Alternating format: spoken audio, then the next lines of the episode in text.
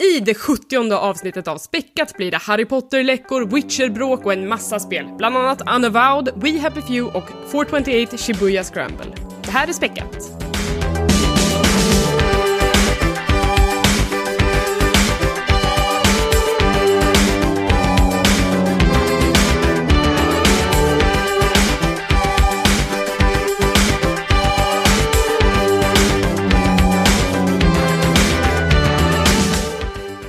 Hej och välkomna till Späckat, en podcast om spel och allt runt omkring. Det här är avsnitt nummer 70. Jag heter Elisabeth och med mig har jag Niklas Hallå? och Tommy. Tja Elisabeth! Hej, vad eh, fint att ni lyckades hålla, hålla låda en, helt ensamma förra veckan. Men nu är i alla fall jag tillbaka. Eh, Vågar du lyssna på det här avsnittet? ja, det har jag gjort. Ni lät Ja. lite ledsna, men sen blev ni glada. Vi vart ju ledsnare efteråt för jag tror det är första avsnittet eh, någonsin som vi har fått så här eh, hotkommentarer och arga liksom lyssnare. Oj, berätta. Nej men det var ju flera stycken som skrev att det tog 17 minuter för er att börja prata om spel. Det var till någon slags filmpodcast helt. Det här är ingen gamingpodcast. Nej, nej. Vad för jävla hårdrocksband? Jo, men, men, men å andra sidan, det är inte första gången det har hänt. Vi har ju pratat mycket om tv-serier och sånt där, så I'll allow it. Vi har haft någon röd tråd då känns det som, kanske säga World of Warcraft eller någonting. Nu pratar vi typ om, jag vet, Netflix-serier. Helt lösryckt. Ja, ja verkligen. Hårdrock och tv-serier. Men om jag kan ta eran rygg och sen kan jag prata om Terrace House jättemycket om en vecka när nästa säsong kommer ut på Netflix, då jävlar gud. blir det Terrace House ska ni se. Det är nog den tv-serien jag har mest fördomar över utan att ha sett en bildruta nästan. Jag, bara, jag tror jag bara sett så här stillbilder på det bara känt så här, åh gud. Destruktiva japaner i ett hus typ. Nej, de är fantastiska, jag älskar dem allihopa. Ja, Ja, mm. jag kan få ge en chans då. ja det tycker jag. Men eh, hur mår ni? Tommy, berätta om eh, din vecka. Det är bra, jag har faktiskt haft en kanonvecka, vet ni varför? Nej. Nej. Jag har tagit Platinum i nio. Wow. Oj, grattis! Ja, slut. Nej men är det svårt? Berätta, berätta vad, det, vad var det svåraste Ah, kringlet? Svårast... eh, nej men det, det, det rullar ju på, det är mest att det kanske är tidskrävande är det faktiskt. Men det känns som en lite sånt där skönt... Eh, det, jag tycker ändå det är rätt så skönt att ta Platinum i vissa spel, alltså särskilt spel som man tycker om väldigt mycket. Så jag och en eh, kompis som har suttit och spelat här tillsammans väldigt mycket. Han är ju en eh, känd eh, svensk Platinum-jägare också. Och det sköna här är att jag fick den före honom. Och det tog väldigt, väldigt, väldigt hårt på honom. Jag, så, mm. Det, det känns bra, jag är skitglad över det faktiskt. Mm. Nu lovar jag att det här är nog sista gången vi kommer höra över det här nio-spelet i den här podcasten. Känner, jag du, känner, du jag- känner dig färdig?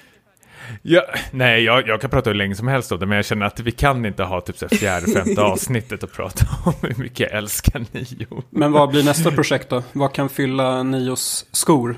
Stora skor att fylla? Nio två. Nio och två.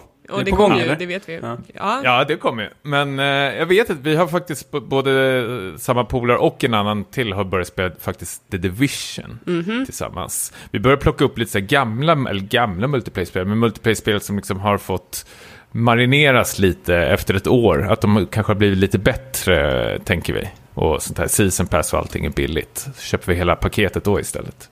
ja, men Smart. det är, väl, eh, det är väl smart, tänker jag. Ja, No judgment det är här. I, inte så jättebra Division faktiskt. Måste jag säga. Men inte? spelade inte du det ganska mycket back i, när den här podcasten började typ? Jo, det gjorde jag faktiskt. Eh, men sen, jag körde ju inte det här nya kontinent som kom. Det var jag och Niklas som spelade till och med, och eh, två andra. Så vi rev igenom typ main storyn, sen var vi klara Sen med det. Och det var liksom, ja, det var två veckor liksom efter releasen. Sen, om vi spolar fram ett år så har det kommit så här hur mycket som helst och de har fixat till det och sånt där. Men jag är, oj, oj, oj, vad jag är väldigt orolig över hur det kommer gå för Division 2 om, de, om det bara ska bli en sån här copy-paste-funktion. för vi alla tre har otroliga problem med eh, kontrollen. Jag vet inte, det känns jättekonstigt att den har åldrats så snabbt. Jag har för mig att jag inte hade jättemycket problem med den, men nu känner jag att den är verkligen...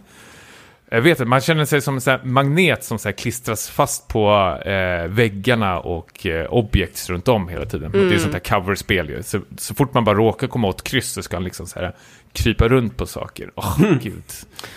Det var som fan. Det, mm, ja, jag har inte heller några sådana minnen. Men kanske att det måste steppas upp då till The Division 2 nästa år. Ja, men jag tror det att eh, det, det är farligt också att gå övergången från typ två olika tredjepersonsspel som spelas helt olika. Nu har jag ju spelat rätt så mycket intensivt eh, Nio då, som är så perfekt, verkligen perfekt spelkontroll. Och så får jag liksom The Division i handen. Då liksom, det, det funkar bara inte för mig lika bra, känner jag. Nej. Jag har inte lika bra liksom, kontroll över karaktären. Gud vad vi har pratat om mig. Det var ju fem, tio minuter innan avsnittet. Elisabeth frågar bara en lätt fråga, hur mår du? Hur, hur har din vecka varit? Uh, nio, nio, nio, nio, precis, nio. bla, bla, bla, bla, bla, bla. Men Hur då- mår du då Niklas? Ja, Niklas.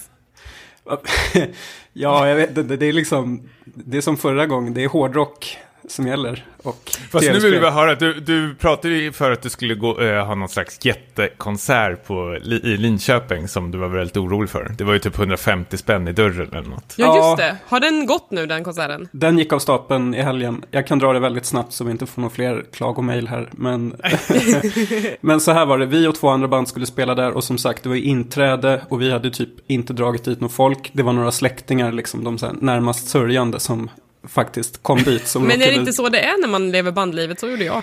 Jo, men lite så, men man tänker ofta att det är så här gr- ställen där det är fritt inträde och så kan man liksom fånga upp mycket nya fans på det sättet. Eh, annars blir det bara rundgång, tänker jag, med samma Just familjemedlemmar som kommer och tittar. Men eh, ja, vi, vi var då första bandet ut då och klockan åtta hade det fortfarande inte kommit någon folk när vi skulle börja spela. Så ägaren sa så här, ja, vi, vi skjuter på det till klockan nio, men sen måste ni köra så här. Och då satt vi så här bara, fan, tänk om det inte kommer någon folk så här. Visst, de andra banden tittar ju och släktingar tittar och det blir ju liksom. Men det är ändå så här, vi har ändå åkt så här långt. Det känns lite mm, tråkigt faktiskt. Men sen så börjar det faktiskt, när det närmar sig eh, showtime, så börjar det faktiskt trilla in eh, lite folk.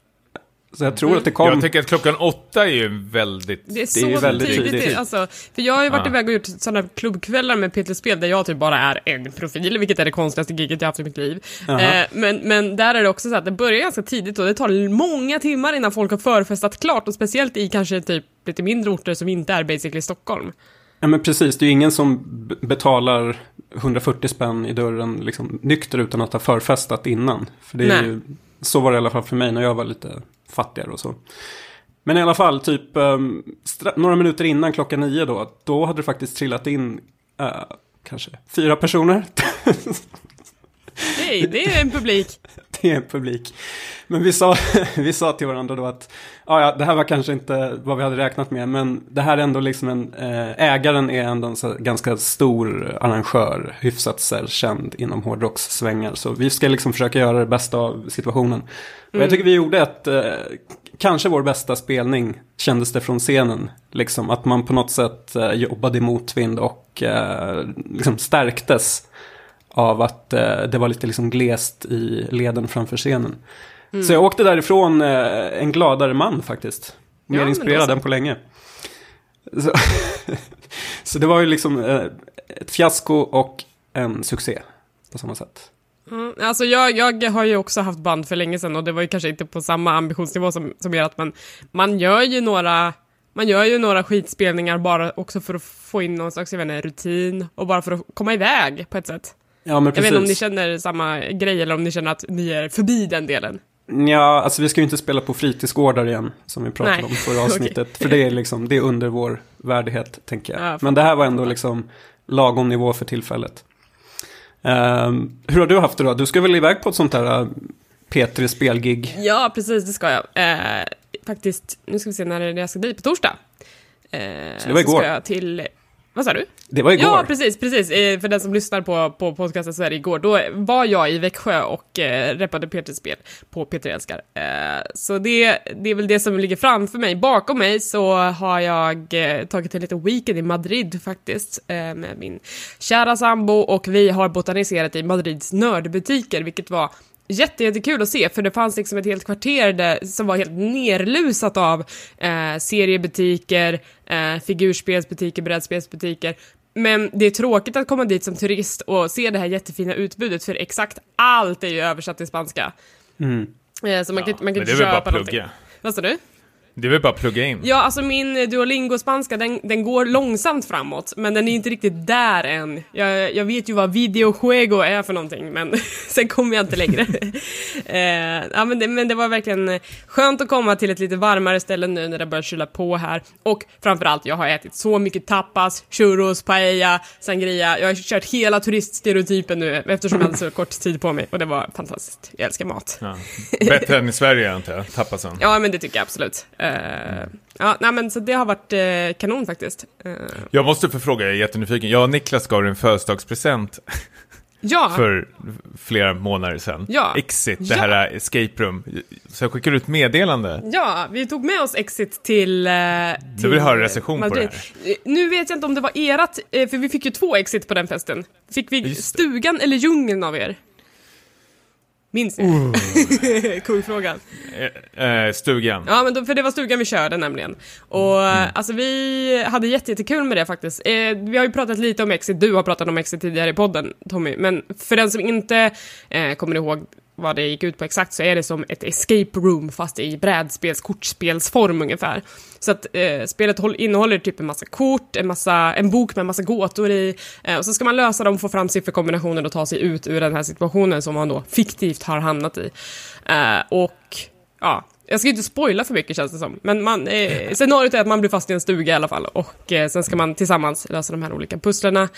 Ehm, Det är ju ett engångsspel ska vi säga också. Ja, När du köper den här boxen så ska du liksom utnyttja korten och själva boxen Mm. för att liksom lösa eh, pusslet. Och sen är det bara att kasta allting Ja men efteråt. precis, för att det handlar om att typ vika, riva sönder, klippa grejer. Eh, Så att det, det, du kan spela det så att du kan ge det vidare, men det, det finns ingen poäng för dig själv att spela om det för att du har ju redan löst alla gåtorna. Så det är ju verkligen ett engångsspel. Men vi hade jättekul, vi klarade det på 69 minuter, vilket vi tyckte var rätt bra. Eh, och sen så, ja, sen slängde vi det. Tack för presenten, det var jättekul. Ja. Jag, jag kan rekommendera om man har typ nyårsfest som vi hade eh, och man har ett gäng människor hemma så skaffar man två stycken identiska. Och så får de tävla? Ja, Ja! vi gjorde det eh, förra nyårsafton, jag, Niklas och några andra. Mm. Eh, och det vart ju, eller kanske bara jag som tyckte det var succé. Spelledaren. Spelledaren. Nej, men det, det var succé va? Alla, ja, ja, ja. Ja, nej, men det var väldigt uppskattat. Det var det faktiskt. Jag vet inte hur lång tid det tog för oss, men det var nog mer än 69 minuter. Det var det Alla var ju fulla som as. Dyngraka. Klipp! Ja. Nej, men det är verkligen superkul. Mm, ja, nej men eh, riktigt, riktigt kul. Så det, det, det har vi absolut kört eh, också.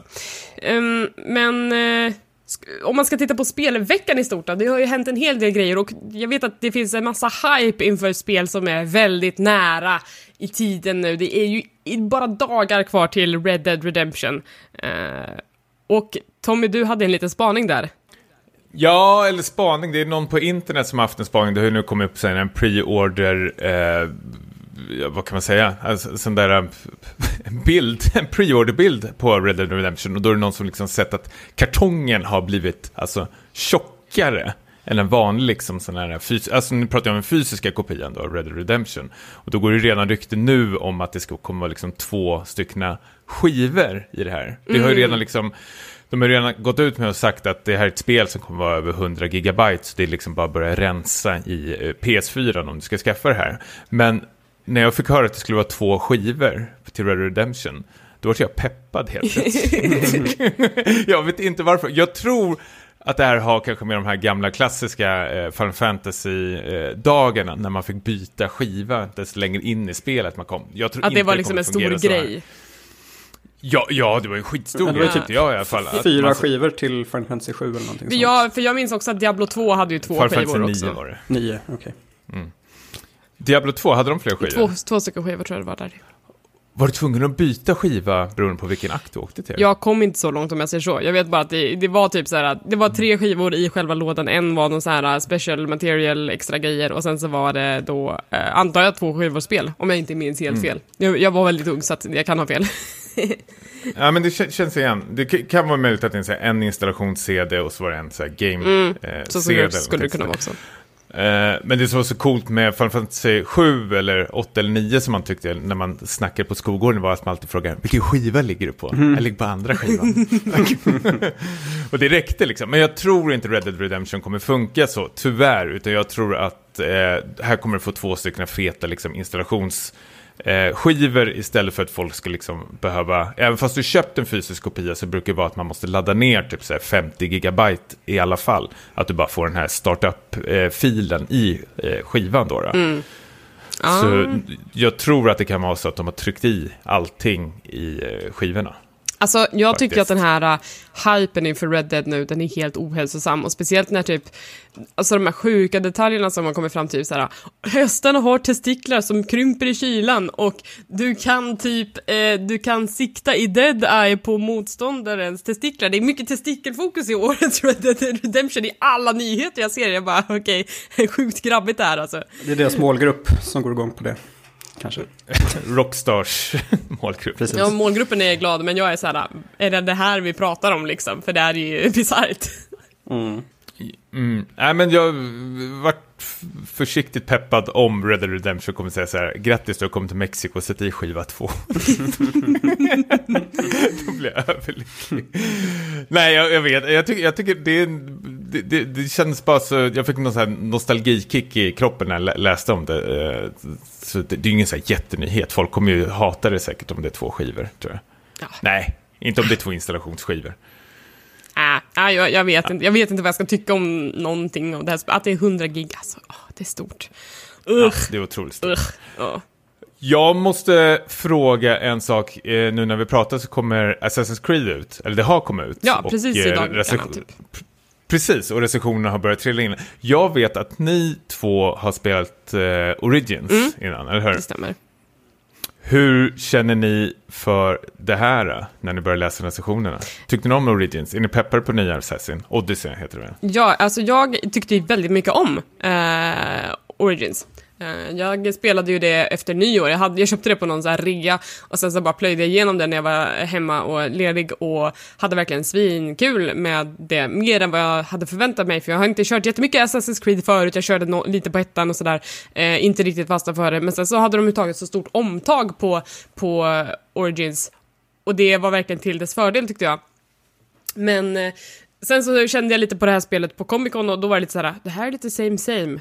Men nu när recensionerna rullar in och jag känner en försiktig, jag känner en försiktig pepp som byggs nu. Eh, det är ju mest att man bara, när ska jag klämma in de här timmarna? Det är ju det som, som klämmer, att det kanske får bli en nyårsrea i år igen. Det tror jag att det skulle Ja. passa jättebra till. Jag, jag körde ju aldrig Origins, för jag har bara spelat ett Assassin's Creed, eller två Mm. egentligen. Men det, det, det som jag spelade riktigt var det här Black Flag, och jag kände mig rätt så mätt Mm. eh, efteråt. Eh, men när det här kom ut nu och recensionerna började trilla in så vart jag så här, ja men det här kanske är någonting för mig då. Jag kanske ska prova det, eftersom jag har hoppat så många Assassin's Creed den senaste tiden. Mm. Men så läste jag typ någon recension där och sa, ja, spelet öppnar sig efter 15 timmar in. Ja, just, Och just, Då känner just jag så här det. bara, åh, gud vad jag inte vill ha det här spelet just nu. Känner Ja jag. men typ såhär, ah, efter 15 timmar börjar det kännas helt okej. Man bara, eh, okej. Ah, nej, jag, jag, jag känner också igen mig i den känslan, absolut. Men... eh, Och det var så här, det var ännu större open world, det skulle väl vara en av de största open world, och det skulle vara ännu mer side missions, alltså ännu mer plotter, plotter, plotter. Mm. Jag har ju precis klarat av eh, Spiderman-spelet nu. Grattis. Tack så mycket. Och jag kände det var så skönt med det spelet när jag liksom kom över mig själv att liksom skit i side missionen och kör bara main mission. Mm. Och så gjorde jag det och det vart ett helt, alltså mycket, mycket, mycket bättre spel. Sen när jag var klar med main mission, då fanns ju alla de här side mission och där kvar. Mm. Men det bara sket i, så jag avinstallerade spelet, sen var jag klar med det. Och det var en sån skön känsla. Så jag, ni två har ju inte spelat Spiderman än. Nej, jag. det, jag vill gärna göra det. Ja, jag tok, alltså ni har säkert hört andra sä- säga det här också, men verkligen fokusera bara på main mission eh, där på Spiderman Mm. faktiskt. Alltså den, Eh. den tanken har jag ju när jag spelar de nya Tomb Raider-spelen. Där måste jag verkligen hålla stenhårt fokus på storyn, för annars går det liksom inte. Det är för mycket procentmätare och grejer som måste fyllas där. Det pratade vi om förra Mm. avsnittet. Lite huruvida hur mycket man ska liksom avvika från eh, huvudspåret då. För det är i, i Shadow of the Tomb Raider som jag spelar nu så finns det ju ändå ganska genomarbetade, om man säger eh, challenge tombs. Som är då ganska skojiga pussel för det mesta. Men du har ju också det här då som du är inne på, mycket bara samla och bocka av eh, collectibles och sånt som är egentligen helt värdelöst. Um, förutom att du liksom ökar i procent då på hur mycket Ja, du har klarat av spelet. Mm. Eh, mm. Och det, detsamma är ju med Spider-Man också. Jag känner att, utan att ha spelat det, så känner jag att det kommer vara exakt samma sak med Assassin's Creed också. Att det är bara sådana här avbockningar. Alltså jag, jag gillar Open World, jag gillar tanken med Open World, men jag känner mig så jävla mätt på direkten så fort jag bara hör att det här är ett Open World. Tills Harry Potter-läckan kom ut häromdagen.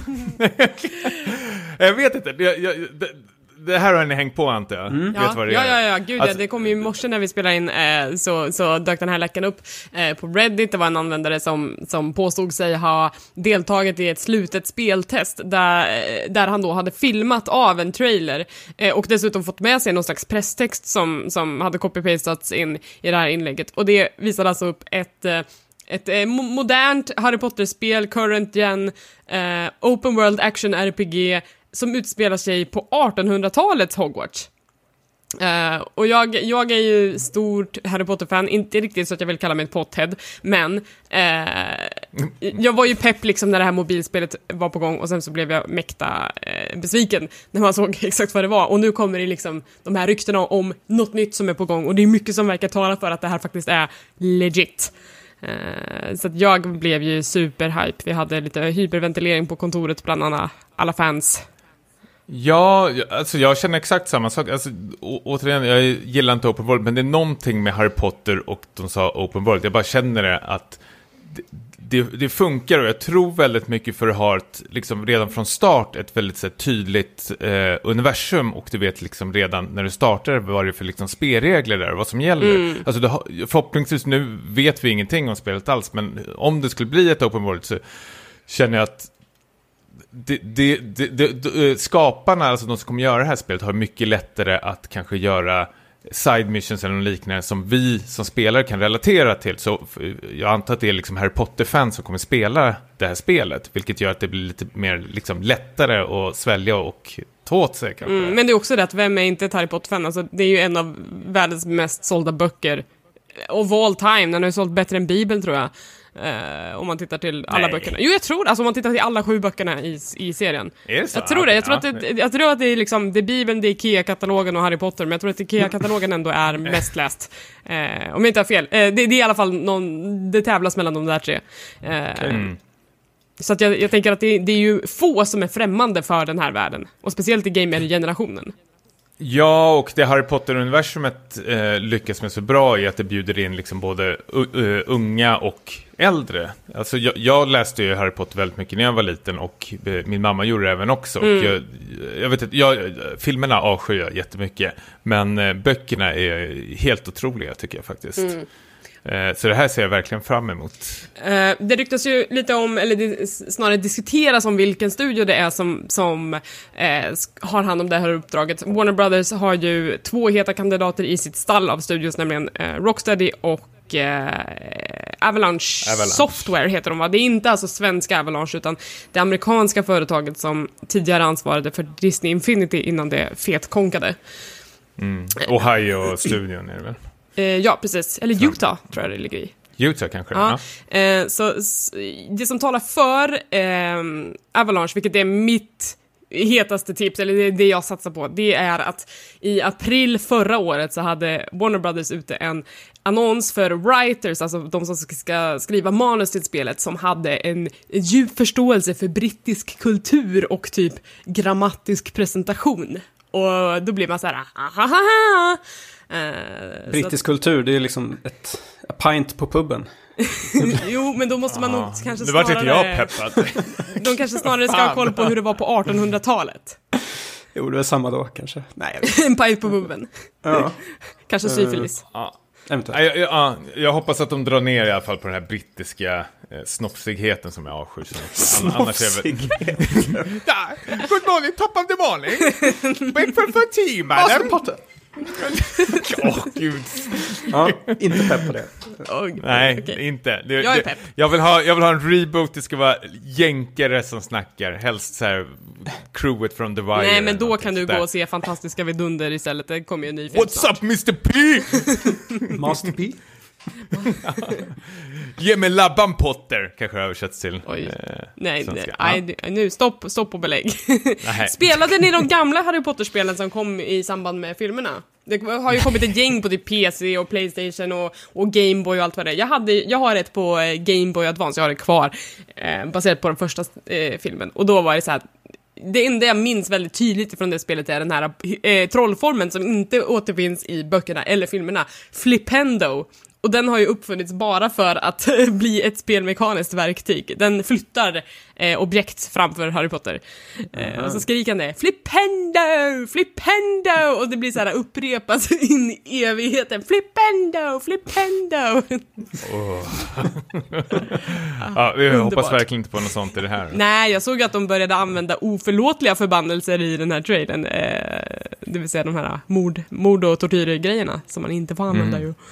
Eh, ja, det såg ut att bli mörkare. Det var så här, han, höll- han, huvudkaraktären mördade ju liksom en goblin, spetsade den med en yxa på väggen liksom. Det, det var ju inte barnvänligt såg det inte ut att vara. Man kanske kan välja en god och en mörk, eller en mörk sida liksom. Ja, det verkade så. Att det skulle vara dels så här, eh, ska det vara god eller ond och sen stod det att man kunde späcka till åtta olika sorters trollkarlar enligt den här texten då. Vi, vi har ju verkligen inga officiella källor som har bekräftat någonting, men eh, det äggar ju fantasin. Ja, och det äger ju ännu mer fantasi när man undrar vad fan Rocksteady håller på med också. Ja, det, vad, vad är det där liksom? Superhjälteskspel är ju det enda som har... Ja, Superman? precis. Mm.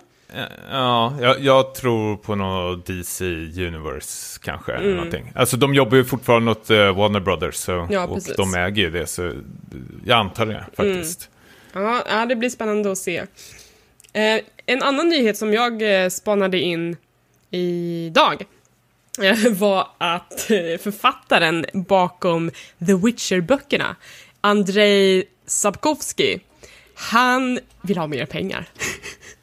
Den här Vem vill inte det? Nej, men den här gubben, han har ju liksom varit ganska notoriskt grinig under hela perioden som hans deal med CD Projekt Red har hållit på. Alltså när han sålde rättigheterna till CD Projekt Red så var han väldigt såhär, spel är skitkultur, det kommer absolut inte bli någonting av det. CD Projekt Red hade kommit till honom och sagt, vill du ha procent på allting vi säljer framöver? Han bara, nej, jag vill ha pengarna nu. Jag vill inte ha sen. Eh, och i och med det så avsa han sig ju all form av royalties, men nu börjar han ju ångra sig när det har blivit en sån dundersuccé. Alltså jag tycker bara att han är, han är ganska rolig för att han är så grinig. Han är, förra året så, så sa han att Witcher-spelen skulle aldrig ha blivit så stora om det inte vore för hans böcker. Vilket jag tror att de flesta kan säga, det stämmer väl inte riktigt för att så bra är inte de böckerna. Och dels så har ju ingen hört talas om böckerna före de hört talas om The Witcher 3 i alla fall. Eh, och sen nu så kommer han och bara, jag vill ha, vad var det, 14 miljoner dollar? Klart han ska I, ha det. efteråt, i efterhand liksom.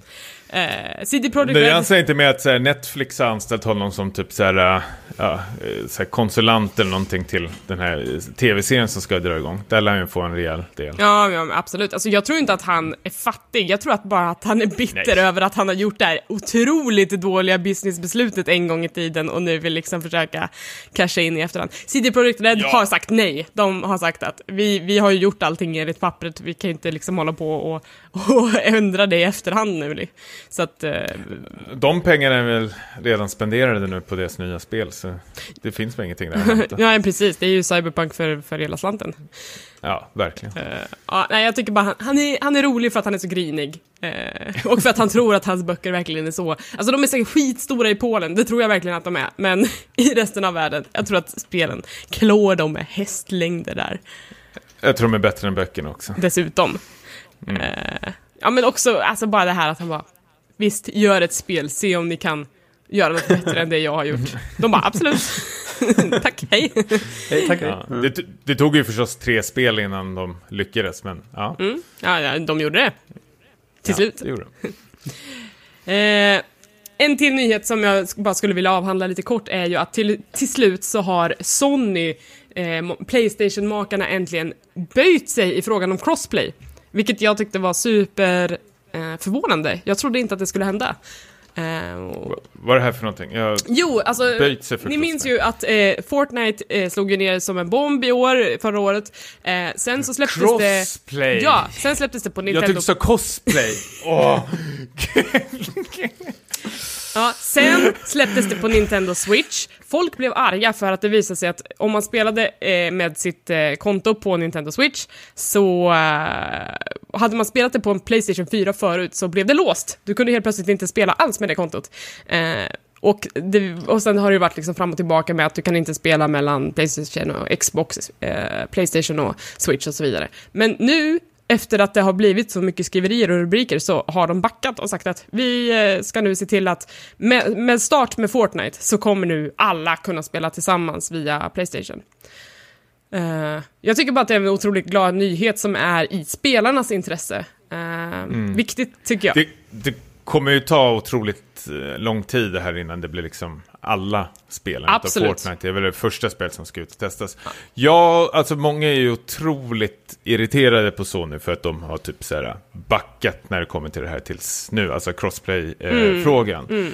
Jag vet inte vad det beror på, men jag antar att det har med den här eh, gamla, eh, vad är det, DDM-attacken de var med om, vad var det, 2010, 11, kommer ni ihåg den? Nej. Jo! Det var, vad var det? Sony vart ju hackade och typ så här, allting, eh, ingenting fungerade, alltså in, deras nätverk fungerade inte, allting var nere och det var nere i typ så här veckor, vi kan Mm, prata om så här en, två veckor eller någonting, vilket är väldigt, väldigt länge. Ingen kunde liksom spela med någon, du kunde inte gå in på Playstation Store, vilket Sony var tvungna till efter de här veckorna ge folk typ så här gratis Playstation Plus och typ eh, man fick gratis spel och allting sånt där. Och många ifrågasatte också kanske typ om säkerheten och alla har ju sina liksom så här kontokort där inne. Liksom de kan få ner liksom hela Sonys server och det kan vara sånt här långt liksom uppehåll. Eh, varför ska man då köpa ett Playstation? Och då tror jag liksom att Sony efter det har liksom så här dragit åt och är väldigt, väldigt, väldigt försiktiga liksom, eh, vilka som kan eh, ja, få tillgång till deras nätverk. För typ, nu, nu är inte jag någon IT-tekniker här, så nu slänger jag med lite konstiga termer, men ni förstår kanske vad jag menar. Mm. Men har det inte också med att göra att, eh, nu, det här är ju mina väldigt stora fördomar, men det här med japanska företag som har så här supergamla VDR som liksom ingen ifrågasätter och de säger vi ska göra som vi alltid har gjort och så vidare och så vidare. Och att det är väldigt svårt att få dem att ändra sig, eh, även fast man pratar med logik. Och nu har de ju precis bytt VD på Sony. Eh, men också att, och de har ju också haft den här ställningen att eh, vi behöver inte ha crossplay för vi har 20 miljoner spelare, varför kan ni inte spela med varandra? Det blir skitbra, jag lovar. Eh, alltså att, att, att ha backat på det sättet, jag vet inte, det känns så spektakulärt på något sätt. Det kan ju vara båda, att liksom de fått kanske mer vatten på sin kvarn efter den här DRM-attacken då. då. Att liksom okej nu kommer vi verkligen inte låta andra eh, konsoler få spela med oss. Ja, men precis, att det, det, det hade kunnat gå åt ena eller det andra hållet. För jag tror inte det är jätterolig stämning de eh, kommer få av folk och allting sådär om det skulle liksom eh, ta sig igenom igen. De har ju ett varumärke de måste liksom eh, skydda. Ja, ja det är, men ändå glada nyheter. Och det här börjar ju som sagt med Fortnite, det är ju igång redan nu. För de som har skapat extra konton till sin eh, eh, Nintendo Switch eh, så ska Epic tillhandahålla ett sätt att slå ihop de här kontona så att man får med sig allting man har köpt på respektive konto. Eh, vilket också är jättebra. Så att de verkligen, det känns verkligen som att spelarnas bästa har kommit först här. Eh, ja, jag vet inte om ni håller med, men eh, för mig tycker så känns det superpositivt. Ja, det, självklart. Det här är jättekul. Eh, och jag hoppas verkligen att jag kan eh, spöa Niklas Rocket League nu, både på dator och Xbox och allting. Kanske blir av framöver. Ja. Vi får se. Ja, hörni, ska vi prata om vad vi har spelat?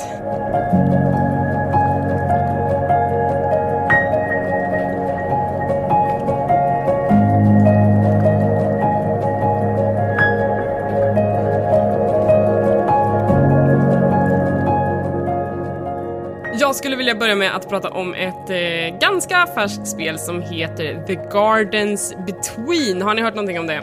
Ja, lite grann. Jag har noterat att det är liksom... Det har du inte alls. Det har jag Jo, visst. för, för, för Niklas har faktiskt koll på indie. Det här är min scen. Eh, Det är väl ett uh, indiespel för två spelare där man löser pussel lite med så här, eh, genom att spola med tiden och sånt. Eh, ja, du har rätt i allting utom att det är för en spelare. Är det en spelare bara? Ja, Okej. eh, Men det är jag två trodde, Jag huvudkaraktärer? trodde också att det var co-op när jag såg den första trailern som kom på någon Nintendo Direkt, tror jag. Eh, och det här kommer från en utvecklare som heter The Voxel Agent som tidigare har gjort ett superhetsigt mobilspel som handlar om typ att leda runt tåg eh, på olika tågspår. Eh, så det är verkligen en hel omvändning på något sätt. Men Eh, det handlar i alla fall om två vänner eh, som eh, vars historia man helt enkelt får utforska eh, på olika små surrealistiska öar och varje ö representerar liksom ett minne från deras tid tillsammans. Ehm, och man ska leda de här två framåt genom att, som du säger, spola fram och tillbaka tiden. Så att liksom, att eh, röra joysticken framåt, spola fram tiden, att röra joysticken bakåt, spola tillbaka tiden och gör du ingenting så stannar spelet helt och hållet, vilket jag tyckte var supertrevligt att man bara kan få en stund och bara tänka efter, prata med chatten som jag gjorde eftersom jag streamade. Ehm, jag vet inte, det fanns ett otroligt lugn i det spelet. Och eh, sen kan du då interagera med olika objekt som kan då förändra the flow of time. Ehm, men det jag tyckte om med det här spelet var att det var så otroligt simpelt. Det är verk- verkligen bara tre kontroller du behöver hålla koll på. Så att vem som helst ska kunna plocka upp det här. Men var det lätta pussel eller? De är ganska lätta, tycker jag. Mm. Vad sa du Niklas? Nej, jag tänkte fråga ungefär samma sak. För det, jag tyckte jag hört någonstans att folk tycker att det kanske är lite för lätt. Att det inte är så mycket tuggmotstånd när det gäller just pusslen och sånt. Det är det inte, men, men däremot så har det ju en himla atmosfär och en himla mycket känsla. Så det är ju där, därför man spelar det spelet, Mm, mm. tror jag, snarare än att man ska få en utmaning. Eh, så det handlar mer om liksom, upplevelse, fantastisk grafik, eh, stämningsfull musik och så vidare. Eh, Men, men och just att det är så enkelt, jag tror att det är en bra inkörsport till folk som kanske inte har eh, superkläm på det här med spelkontroller. Eh, jag skulle kunna sätta eh, det här i händerna på eh, min mamma eller på no liksom någon som aldrig har spelat med en handkontroll förut. Jag tror att de skulle fatta ungefär hur, vad det gick ut på. Mhm. Och jag tror att det också var ambitionen hos spelutvecklarna. Eh, Att det ska vara lite inbjudande och sådär. Ja, men precis, tillgängligt. Um, så att det, var väldigt kort, det gick på två, två och en halv timme. Så det, det är verkligen en, en liten upplevelse, men, men lite med naggande god, kan man säga. Ja. Och det är en Mm. svensk studio alltså? Nej, det finns en svensk person inblandad i det, men jag tror att studion är baserad i Australien. Jaha. Eh, det, det, de, de har någon som heter typ Henrik Pettersson eller något sånt där i, i teamet. Eh, Och Okej. jag tyckte att det lät väldigt, väldigt svenskt, men jag har faktiskt ingen koll på om det faktiskt är en svensk eller inte. Kan ju vara Henrik Hernick Purderson skulle det lika gärna kunna vara. Ja, precis. Eh, ja, ja, men så det var det. Kort, The Gardens Between, jag tror att det finns till eh, Nintendo Switch och sen så finns det till Steam, alltså PC, kanske någon mer plattform, men ja, Ja, PS4 också. Mm. Tror jag. gulligt. Mm. Ska vi gå vidare? Niklas, har du någonting på lager? Ja, eh, ett peka och klicka-spel. Eh, I form av uh, Unavowed. Väldigt svårt att uttala. Eh, Unavowed. Mm. Unavowed. Ehm, som är liksom ett ganska klassiskt peka och klicka-spel som då är eh, utvecklat då idag. eh, eller liksom nu. Eh, ganska nytt spel. Men eh, det, är liksom, det blickar dels mot den här ganska väldigt mycket klassiska peka och klicka-mekaniken. Men även mot eh, typ eh, ganska mycket Biowares eh, spel. Mhm. Du kanske Jag, jag lite blir intresserad. Ja, vad, är det som är Biowareskt med det? Nej men det är, det är så här då att eh, om vi börjar med storyn så är den, eh, alltså den flörtar ju lite med typ eh, västerländska rollspel då kanske framförallt. Att du börjar med att du väljer, du väljer ett kön, du väljer ett yrke. Eh, antingen att du är polis, skådespelare eller bartender. Eh, och det kan då ge dig liksom vissa fördelar i dialoger eh, senare in i spelet. Eh, och jag, jag valde då att jag skulle vara en manlig bartender. Och eh, det som händer i början av eh, spelet då det är att du, eh, du ska liksom börja jobba ditt vanliga skift. Spelet utspelas i New York när det så här, regnar konstant. Väldigt så här, dyster atmosfär. Um, och där inne på toaletten på ditt jobb så hittar du en väldigt gammal eh, bok som du då börjar bläddra i. Och det orsakar att du blir besatt av en eh, demon så, eh, som får dig att mörda alla på, eh, inne på baren. Och sen så drar du liksom iväg. Och sen så spolas tiden fra, eh, fram med ett år. När du då liksom blir räddad från den här demonen av ett sånt där hemligt sällskap som heter The Unavowed. Som är då ett eh, gäng personer som har bekämpat ondska i hundratals år. Som har liksom flera superkrafter och sånt. Mm. Och då, då ansluter du dig till dem då. För att försöka få tag i den här demonen och liksom, åt, liksom försöka rätta till allt som du, du själv har ställt till med eh, under det här året som har gått. Och det gör du då genom att du ger dig ut på lite olika case.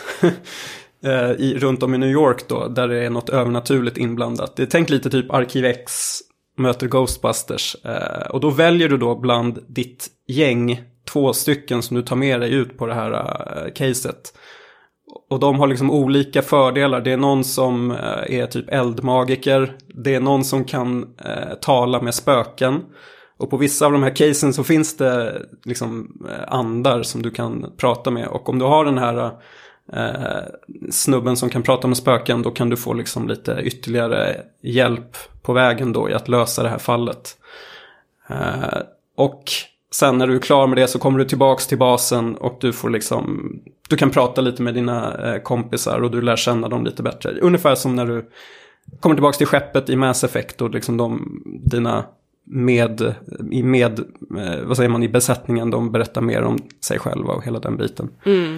Men, eh, men, hur, men hur är liksom eh, gameplay i att eh, jag har ju lite svårt för peka-klicka-spel i att ibland så är det väldigt så här, långsökta lösningar på de här pusslen. Att det är mycket så här att man måste interagera med alla objekt och kolla så här look at, eh, grab eller use eller så här. Är det mycket sådana grejer också?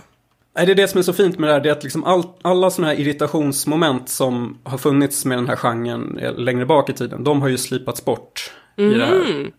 Med ett eh, klick på liksom höger musknapp så ser du i princip allt du kan interagera med om du inte orkar hålla på liksom och eh, leta runt själv. Så det är väldigt svårt att köra fast och pusslerna är hyfsat logiska. Eh, inga som liksom får en att slita håret direkt, men liksom på en lagom nivå.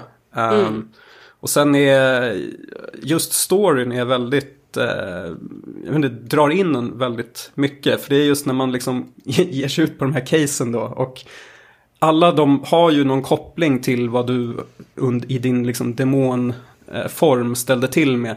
Då, då, då får man liksom se vad man har gjort i sådana här flashbacks. Och det, ni får tänka typ eh, Bob i Twin Peaks. Det är så här liksom fruktansvärda saker att man har liksom nästlat sig in på i familjer på typ så arbetsplatser och liksom vänt folk mot varandra och fått dem att göra så här ja, hemska saker. Det är ju ett ganska mörkt spel i mångt och mycket. Det är ju liksom så här ja, otrohet och självmord och sådana här grejer som finns med.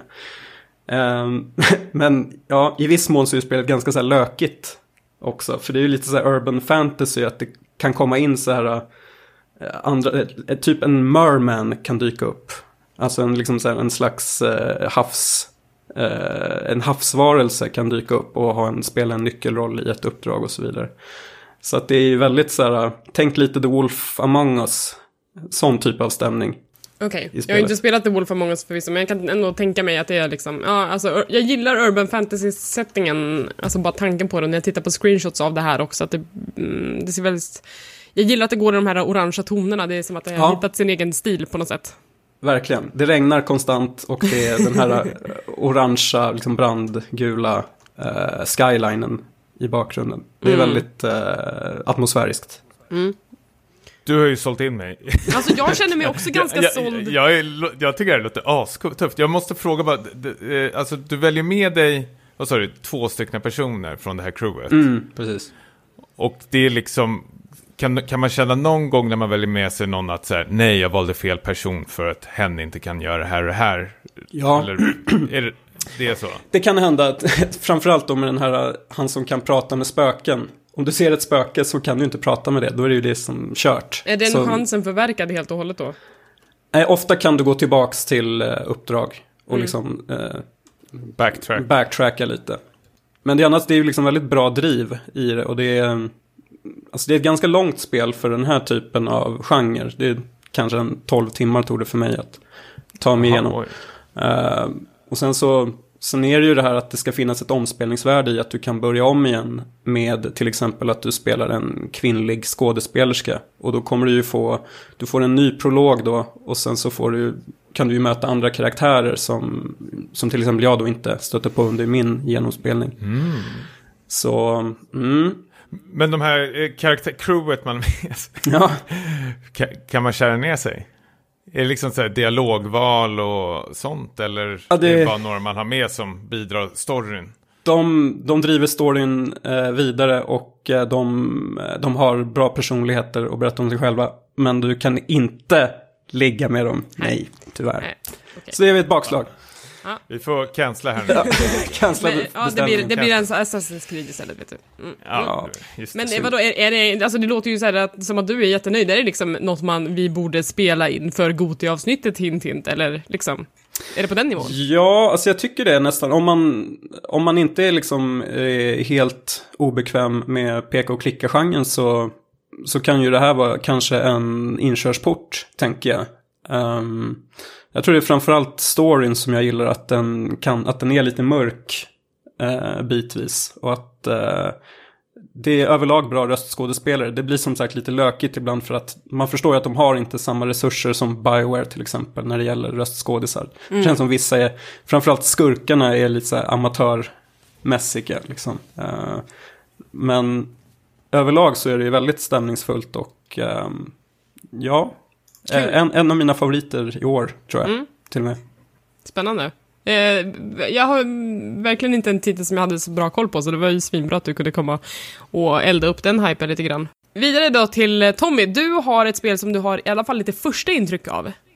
Ja, jag har väl bara spelat några fåtal timmar. Eh, det är 428 Shibuya Scramble. Jag tror jag har nämnt det några gånger i den här podcasten, särskilt i vårt Godu-avsnitt någon gång efteråt, att det här är väl en av de spelen som jag typ eh, sett fram emot eh, mest för det här året. Det här är ju ett spel som släpptes eh, till Wii i Japan år eh, 2008 tror jag, eller någonting sånt där. Ett jättegammalt spel, men som aldrig liksom översattes. Och det har ju fått så här jättehyllningar eh, där borta. Och när jag bodde i Japan så köpte jag även en kopia av det, men liksom orkade inte. Alltså det, det, det, för det första måste jag säga att det är ett visual game novel-spel, fast liksom någon slags upphottad version av eh, den genren.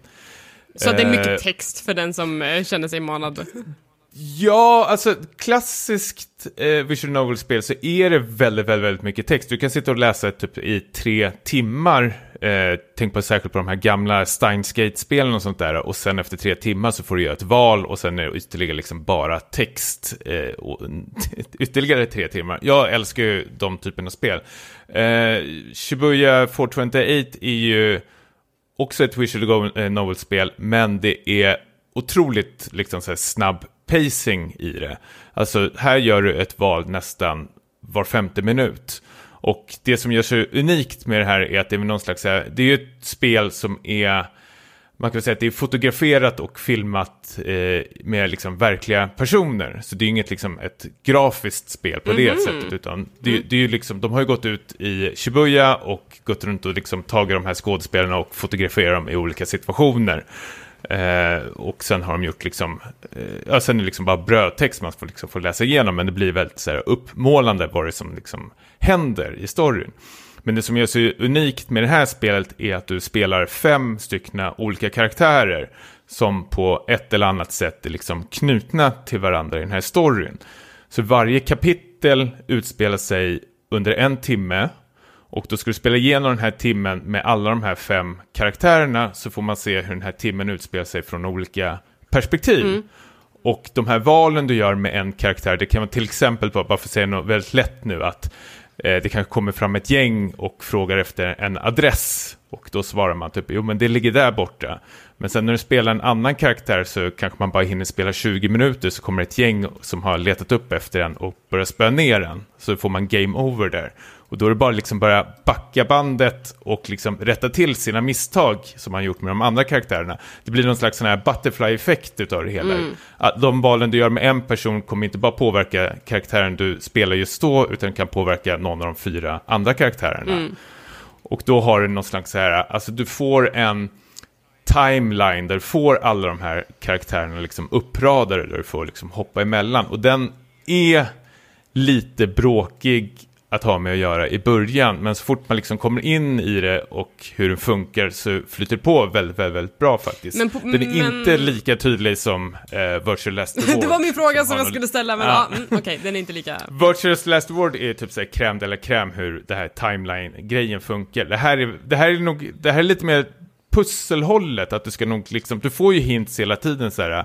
Eh, bara så du vet, eh, Yamamoto kanske inte skulle ätit den där bananen klockan 10.20 och då är man Oj. så här, okej, Mm. ja, då, ja. Så det kan vara väldigt, eh, ja, du får ju väldigt tydliga ledtrådar vad det är för något eh, du ska rätta till. Det är väldigt svårt att fastna i det här spelet, men jag kände bara första timmen, eller två timmarna så var det så här, vem ska jag satsa på? För helt plötsligt kan spelet säga åt, man kan få någon slags sån här jump-funktion också, vilket betyder att du gör en händelse och då kan du hoppa direkt till en annan karaktär, eller om du vill fortsätta den här storyn, och då blir jag så här att, vad, vad ska jag göra och varför? Alltså spelet kan ibland inte liksom så här rekommendera åt en att du bör tänka på det här, utan det är väldigt så här, man kastar sig nästan rakt över på direkten, Mm. så det tar någon timme eller något att komma in i det. Men eh, så jag har spelat som sagt bara två, tre timmar utav det och storyn har liksom bara sparkat igång på direkten. Bara för att kortdra det, det är något slags här kidnappsdrama som det utspelar sig i början, men det blåses upp till någonting eh, mycket större. Det är mycket invandrare som eh, är skurkarna Oj, till en början.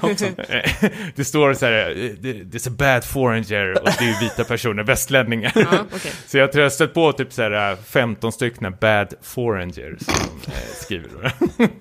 Uppfriskande ändå. Ja, eh, och, men det, jag tycker det som gör det väldigt skickligt är att det har någon slags här härlig balans mellan eh, en tät liksom eh, 24 avsnitt påminner väldigt, väldigt, väldigt mycket om 24. Du liksom kämpar mot klockan hela tiden. Och så har den här eh, japansk plumpig humor som faktiskt funkar. Det, det är väldigt, väldigt roligt skrivet, väldigt, väldigt bra översatt faktiskt, eh, vissa delar. Och det rasar in, eller haglar in kanske man ska säga, eh, Twin Peaks-referens. Oj! Jaha. Ja. Väldigt, väldigt mycket. Allt från att en karaktär heter Leland Palmer, eller att du går på en sån här snackbar som heter eh, Log Lady och sånt där. Oj. Så Twin Peaks-hjärtat bultar Men, rejält. men är det då för att eh, ursprungsmanuset eh, har haft det, eller är det översättarna som har klämt in sina egna referenser? För jag tänker det i Danganronpa-serien, där ser man ju att Mm. Niss Amerika har tagit så jävla stora friheter i sin referenshumor för att vi inte förstår den japanska referenshumorn. Mm.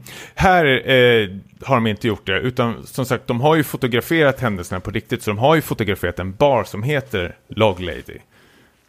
Förstår vad jag Ja, menar? jag förstår. Så- Okej, mm. då, då blir det ju såhär det- intentional.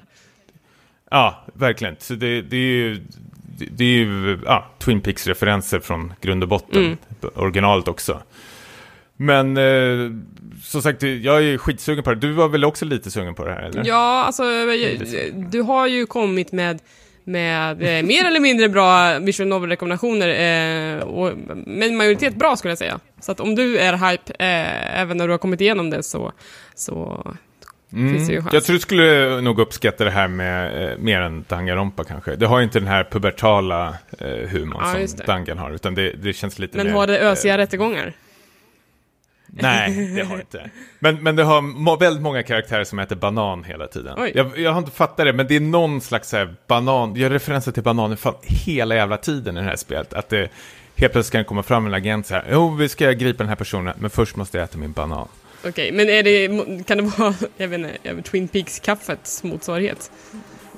Ja, varför inte den här blueberry-pajen eller någonting Ja, sånt där. mm. Men jag, fattar inte, det är fullt med bananer överallt. Jag vet inte om det är någonting som börjar så här nystas upp mot slutet eller någonting. Mm. Men det, det är väldigt spännande och det, jag tycker det håller typ någon så här schysst balans mellan typ komedi, thriller och typ någon slags, eh, vad ska man säga, ett, jag tänkte säga hostage-drama, men vad fan heter Gisslandrama, det? Eh, eller? Gisslandrama, Mm. tack. Eh, så, ja, Kul! Ja. koll, kolla in. Vi, eh, vi får väl Och ett s- fortsatt omdöme av dig sen när du har kommit vidare. Ja, verkligen. Så jag ska bara förvarna er, ni som är rädda för att det är mycket text. Det är inte så mycket text. Du gör faktiskt val i stort sett nästan hela tiden här i spelet. Så det är... Du, du, Det är interaktivt. du har liksom... Ja, verkligen.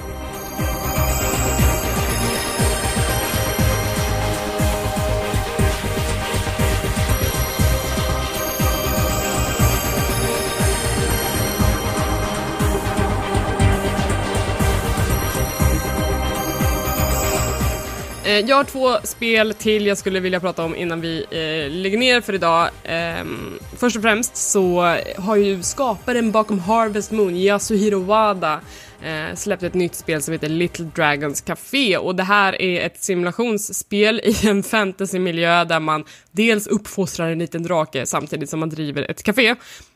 Ni hör ju på premissen, jag är ju såld från eh, vid första anblicken. Eh, jag har varit så otroligt hype på det här under typ hela året. Eh, och nu har det äntligen kommit och jag känner bara blä. Årets besvikelse. Ja, det är du- nästan det. Är nästan det. Hörde du inte på namnet att det skulle vara så kräft? Nej, att det skulle vara underbart är det du menar. Ja. Vi har lite olika, jag vet inte, referensramar. Eh, men, men jag tycker inte att det är svårt att göra ett bra så här, restaurangsimulation. Det, det finns liksom många komponenter som är lätta att sno från andra och liksom göra bättre, eller i alla fall bra.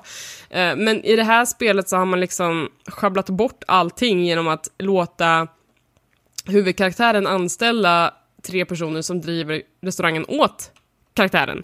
Så att Mm. det finns liksom ingen poäng för mig att göra det överhuvudtaget om jag inte vill typ bättra på några grejer. Eh, när det kommer till reputation som är en väldigt så här, godtycklig eh, valuta som man inte kan göra någonting med.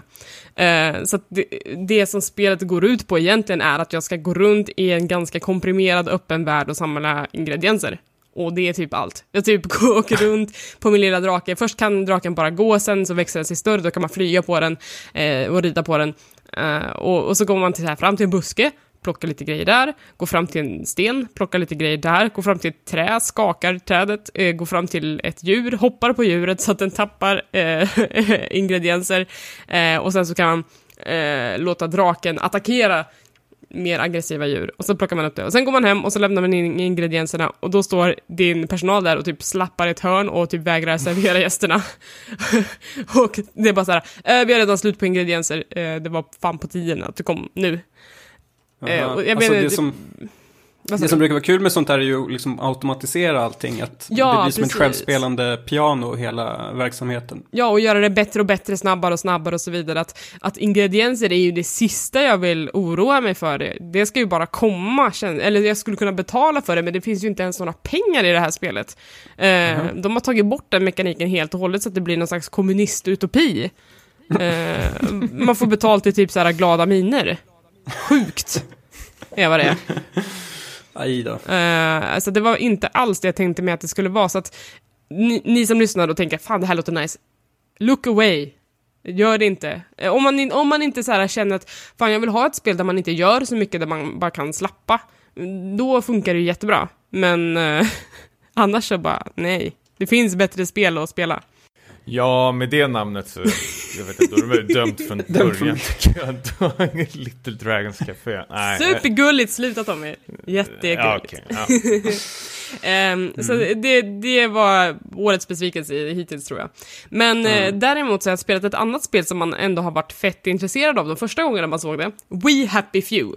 Men sen gick det ut i early access och fick så himla konstiga blandade reaktioner och så tappade jag typ all hype för det och bara ja, ja, det kommer ju aldrig bli klart och när det kommer bli klart så kommer det vara mediokert. Så tänkte jag. Men nu har jag börjat spela det här också på, på streamen. Eh, och jag har kört över kanske fyra gånger, fyra olika tillfällen, så jag kommer ganska långt i storyn nu. Eh, och det här spelet är ju verkligen så konstigt. Först och främst så är det ganska, en ganska sådär, avancerad story i den i att ehm, det utspelar sig på en brittisk ö som heter Wellington Wells och eh, det är kort efter andra världskriget och på den här ön så har man gjort någonting fruktansvärt för att driva bort tyskarna. Det här innefattar att man har lämnat bort alla barn i samhället men det, det är väldigt oklart exakt vad det är som har hänt för att folk har så dåligt samvete för det här så att de har börjat ta ett lyckopiller som heter Joy som gör att de har glömt allting och bara har så här happy thoughts hela tiden. För att om de inte skulle ta något så skulle de må så jävla dåligt och typ ta livet av sig allihopa. Eh, och då spelar man som en person som en dag, han jobbar på något så här censurinstitut alla 1984 och typ redigerar tidningsartiklar. Och sen så får han i sin hand en artikel där han ser en bild på sig själv och sin bror. Kina. Ja, ja men precis. Eh, han får en, en artikel i handen där han ser en bild på sig själv och sin bror och då börjar han minnas och slutar ta de här tab- eh, tabletterna. Eh, och därifrån så eh, ska han försöka ta reda på vad som har hänt med hans bror och eh, med tiden också nysta upp liksom vad var det de gjorde för, eh, för att liksom eh, hamna i den här situationen. Um, och man bara, det här är superintressant, jag vill jättegärna veta vad som har hänt här. Uh, den här dystopin är uh, övertygande, den känns obehaglig och jag vill jättegärna veta mer om den. Men det är när man har börjat blanda in gameplay i det här som det blir helt obegripligt, det här spelet. Ja, alltså, jag tror jag har fått någon slags missförstånd hur det här spelet ska spelas. För jag var ju rätt så peppad på det när det liksom utannonserades. Mm. Och nu när du beskriver också så tycker jag det låter otroligt bra, eller spännande i alla Mm. fall. Men sen när jag fick reda på att det skulle vara någon slags här, survivor-spel eller något Ja, liknande. sur- crafting survival-spel. Ah, då, vet, då gick luften ur mig Ja, på men det- direkten. det är ju exakt det. cancellade jag allting.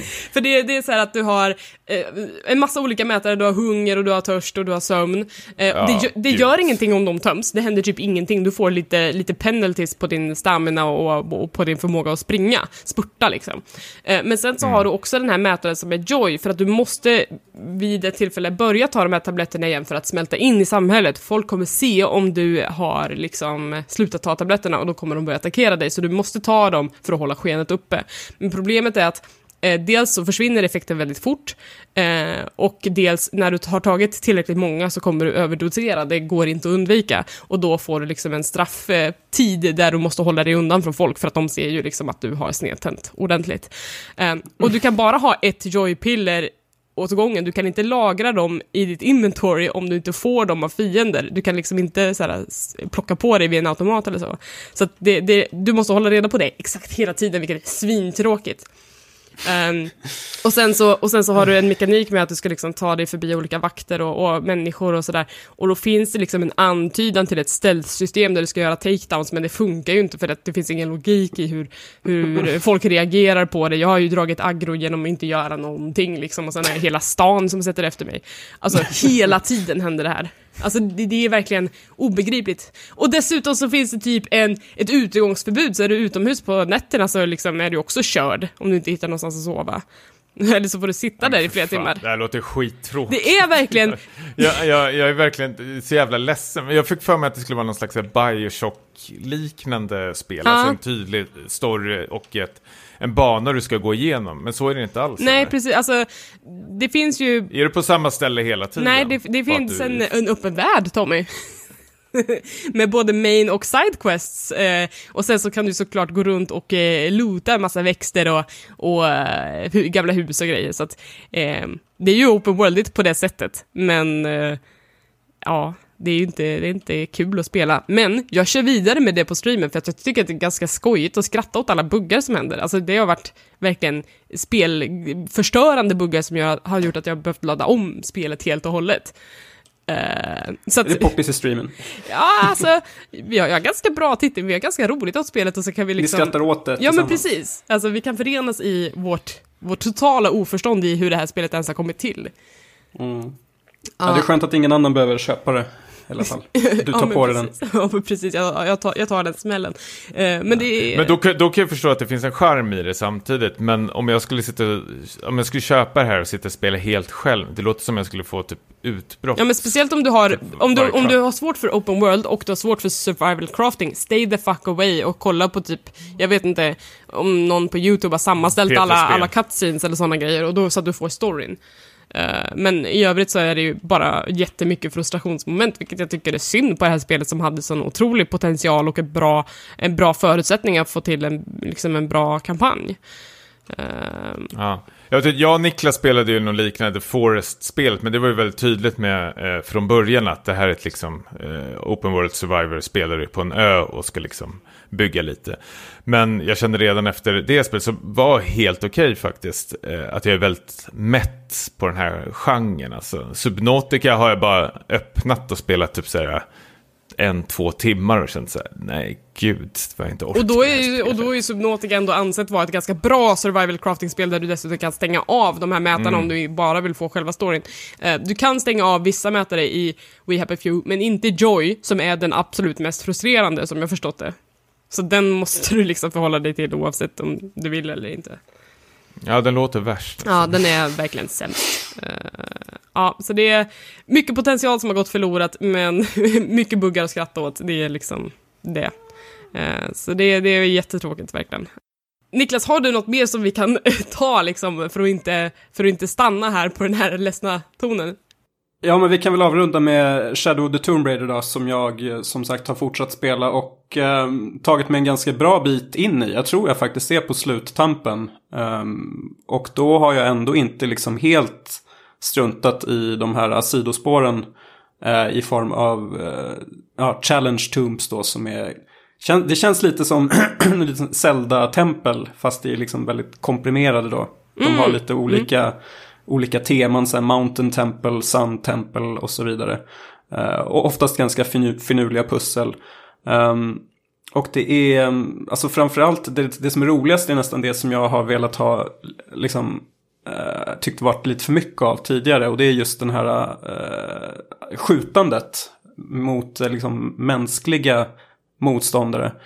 Men alltså, det är ju nästan det som är, har varit bäst eftersom det är så nedklippt i Shadow of the Tomb Raider. Alltså just när du smyger dig på fienden, alltså de här Trinity-soldaterna.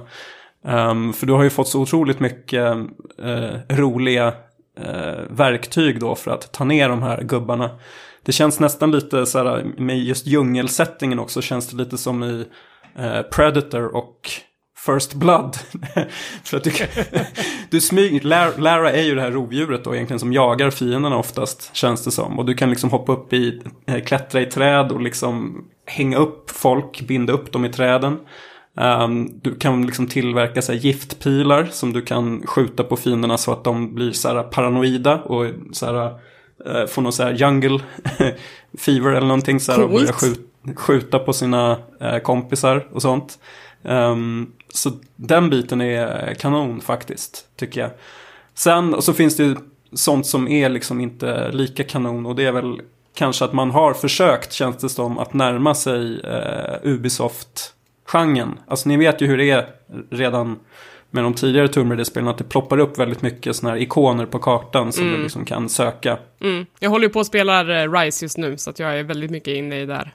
Ja, precis. Um, och det här, här har ju verkligen inte minskat på det. Det är väl kanske tvärtom snarare. Och nu har du också, du stöter ju på, det finns små liksom samhällen med eh, bybor då som du kan ta uppdrag från. Och de jag har kört hittills har varit, ja, aptrista. Verkligen. liksom, sämre Assassin's Creed. Uh, lite, lite så. Det känns lite som ett, att det försöker vara ett Assassin's Creed-spel på sina håll. Uh, mm. I de avseendena. Så de, ja, uh, det är liksom aldrig ett spel jag kommer att ta 100% ta något Platinum uh, Trophy på. För att det är för mycket tråkiga små grejer uh, som jag aldrig kommer orka med. Mm. Men Tumpsen då, Challenge-Tumpsen, känns ja, de, de värda att ta sig igenom allihopa? De har i princip varit värda allihopa. de är väldigt så här, lagom långa också. Man, de består i princip alltid av ett stort pussel och så lite små grejer där runt omkring. Mm. Uh, och sen huvudstoryn är ändå liksom, det, det trummar på. Den är, den är inte dålig. Den är fullt acceptabel, skulle jag säga. För att vara ett sånt här spel. Så jag ser, jag ser fram emot att spela klart det faktiskt. Det blir nog det första Tomb Raider-spelet som jag uh, kommer att spela till slutet. Mm. Känns det som. Jaha, Mm. Kul. Ja, så lite positivt nu här. Ja, ja men, men eh, kul. Jag ska väl försöka ta mig igenom den där trilogin också. Det är så mycket spel jag vill spela hörni! Jag vill spela alla oj, spel. Oj, oj. Ja, och du verkar Elisabeth alltid vilja liksom spela dem från del 1 till... Ja, jag liksom- kan inte hålla mig. Det är därför jag inte kommer igenom Witcher-serien, för jag måste börja med ettan. Ja, för du gjorde väl så med Uncharted-serien också? Ja, jag köpte ju Nathan Drake Collectionen och drog igenom den och det, var, och det gjorde jag när fyran kom och sen så köpte jag aldrig fyran, jag lånade av en kompis när, när, när det passade liksom. Eh, ja, nej, jag vet inte. Jag vill få hela storyn, jag gillar ju story liksom. Ja. det finns ju en risk liksom för mättnad kan jag tänka mig med tre uh, Tomb Raider-spel på raken. Ja men det är därför jag varvade det med lite annorlunda grejer. Att nu har jag kört ganska mycket Little Dragons Café emellan och, och sådana grejer. Ja, just det. Ja. Ja. då kanske man är sugen på något annat. Ja, då vill man ju bara tillbaka Dragon till Café. Lara Croft här och börja sätta pilar i huvudet på banditer. Smart. Ja, mm. Eh, ja nej, men det var väl en eh, himla radda med spelen då som vi lyckades avverka idag. Ja, Verkligen. Hoppas att lyssnaren har fått med sig lite inspiration från dagens avsnitt. Eh, Ja, spela 428 nu. Ert första visual novel-spel. Niklas. Ja. mm. ska vara 40 timmar långt har jag hört. Eh, jag tror minst 40 timmar. 50 olika slut i alla fall. Minst. Jesus Christ. Har du, ska du ta Platinum på det med? Självklart. Jag blir nervös. Och jag, hade jag sådana ambitioner då skulle jag inte göra någonting överhuvudtaget. Ja, men där är ju rätt så lätt. Där är det bara att trycka på kryss på allting. Ja. Och följa en jävla guide. det tar ju tid för. Ja, mm, mm. ja vi, vi, vi säger väl så för idag helt enkelt. Om du som lyssnar har frågor, funderingar etc. Ni vet var ni hittar oss. Speckatpodcast.gmail.com Twitter, at späckat, Instagram, at späckatpodd. Eh, och oss personligen hittar man vadå, Niklas? Niklas Lundqvist Twitter, OneLess Niklas Instagram. Tommy? Stimpas på Instagram och Tom Jansson på Twitter. Och jag heter Hangry Eli på Twitter och Hangry Spice på Instagram. Nästa vecka är Lisa och Per tillbaks från USA. Just det, våra korrespondenter. Ja, det blir kul. Lisa har ju varit på ett event för Fallout 76. Undrar om hon har fått lägga vantarna på det. Om vi får höra mer om det vore kul.